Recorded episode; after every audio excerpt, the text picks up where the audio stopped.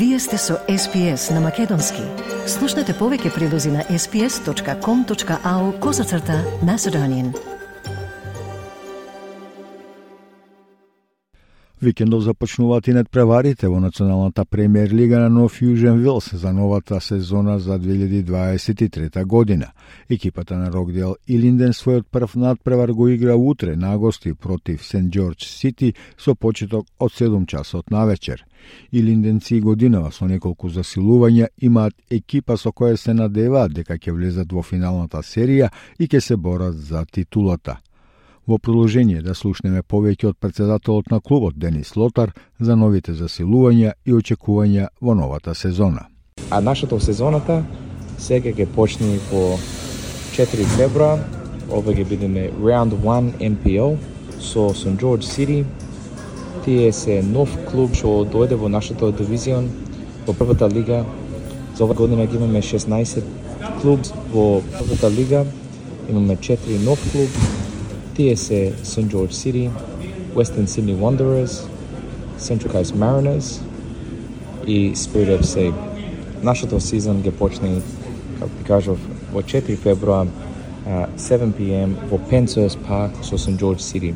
На сите наши supporters, дојде таму да ги видиш нашите играчи, да види како ги одаме, ги одаме таму да победаме и со нашите тим што ги имаме играчите и тренери ние сме конфидент дека ќе победаме. За година имаме, имаме некои нови играчи, ќе собераме од, од други клубс. Тие се Ненчалакиен, Матју Које, Никола Уджа, тие тројца дојде од Сидни Олимпик. Тие се experienced players, добри играчи.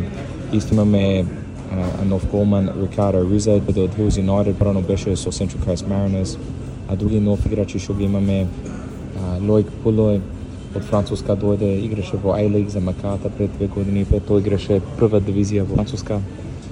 И имаме еден Айзак Денза, тој дојде од St. George FC. со тие се нашите нови играчи од лани.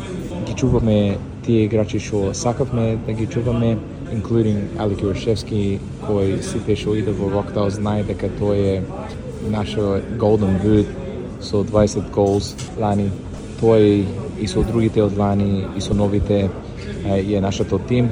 Ние сме конфидент дека ќе победаме, али дојдете нашето first home game тука во Wellington Спортена ќе биде round 3. Се тоа ќе биде во Sunday 19 февруар во 3 p.m. се Sunday 19 февруари 3 p.m. Тука first home game може да купиш season pass membership. Се дојдете ако можете на тој ден да се собереме, да се порија боис, како ти кажа, 3 p.m. ќе почнеме во вратата може да купе тикет, али исто може да купиш во вратата сезон пас. Оваа година е сезон пас, ги има еден капа за и за мемберите, се дојдете, support the team, децата може да влегат без плакање, само плакање за adults и concessions.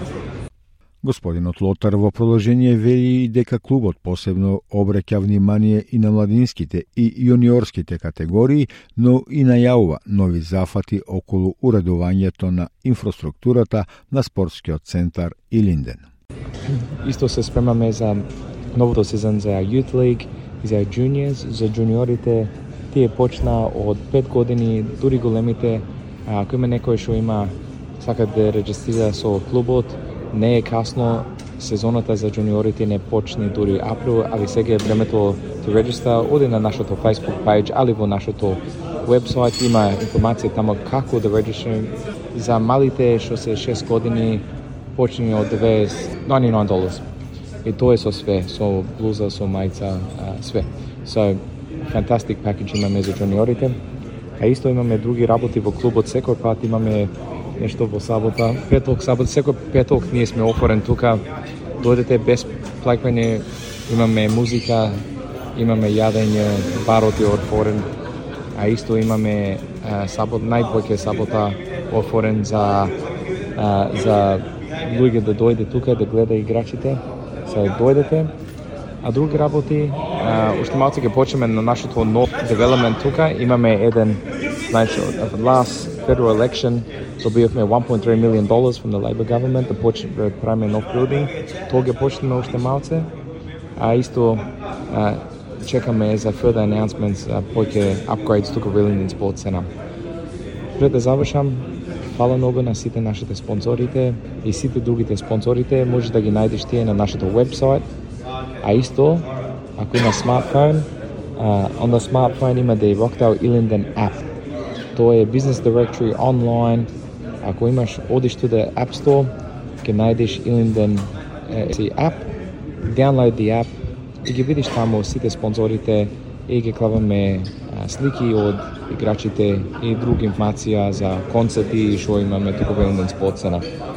Фала многу на сите што поможе во клубот, фала многу на сите што иде во клубот секоја недела, без вас не можеме ништо да направиме, али сакам да видам а, сите Илинден supporters кога почнеме сезоната 19 февруар тука за нашето прв home.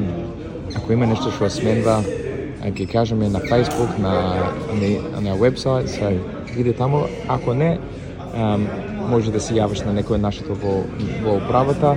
Uh, сите телефон број се на на вебсайт. Фала многу и фала многу на SPS што дава помош со промоушен од нашите евенци. Фала многу.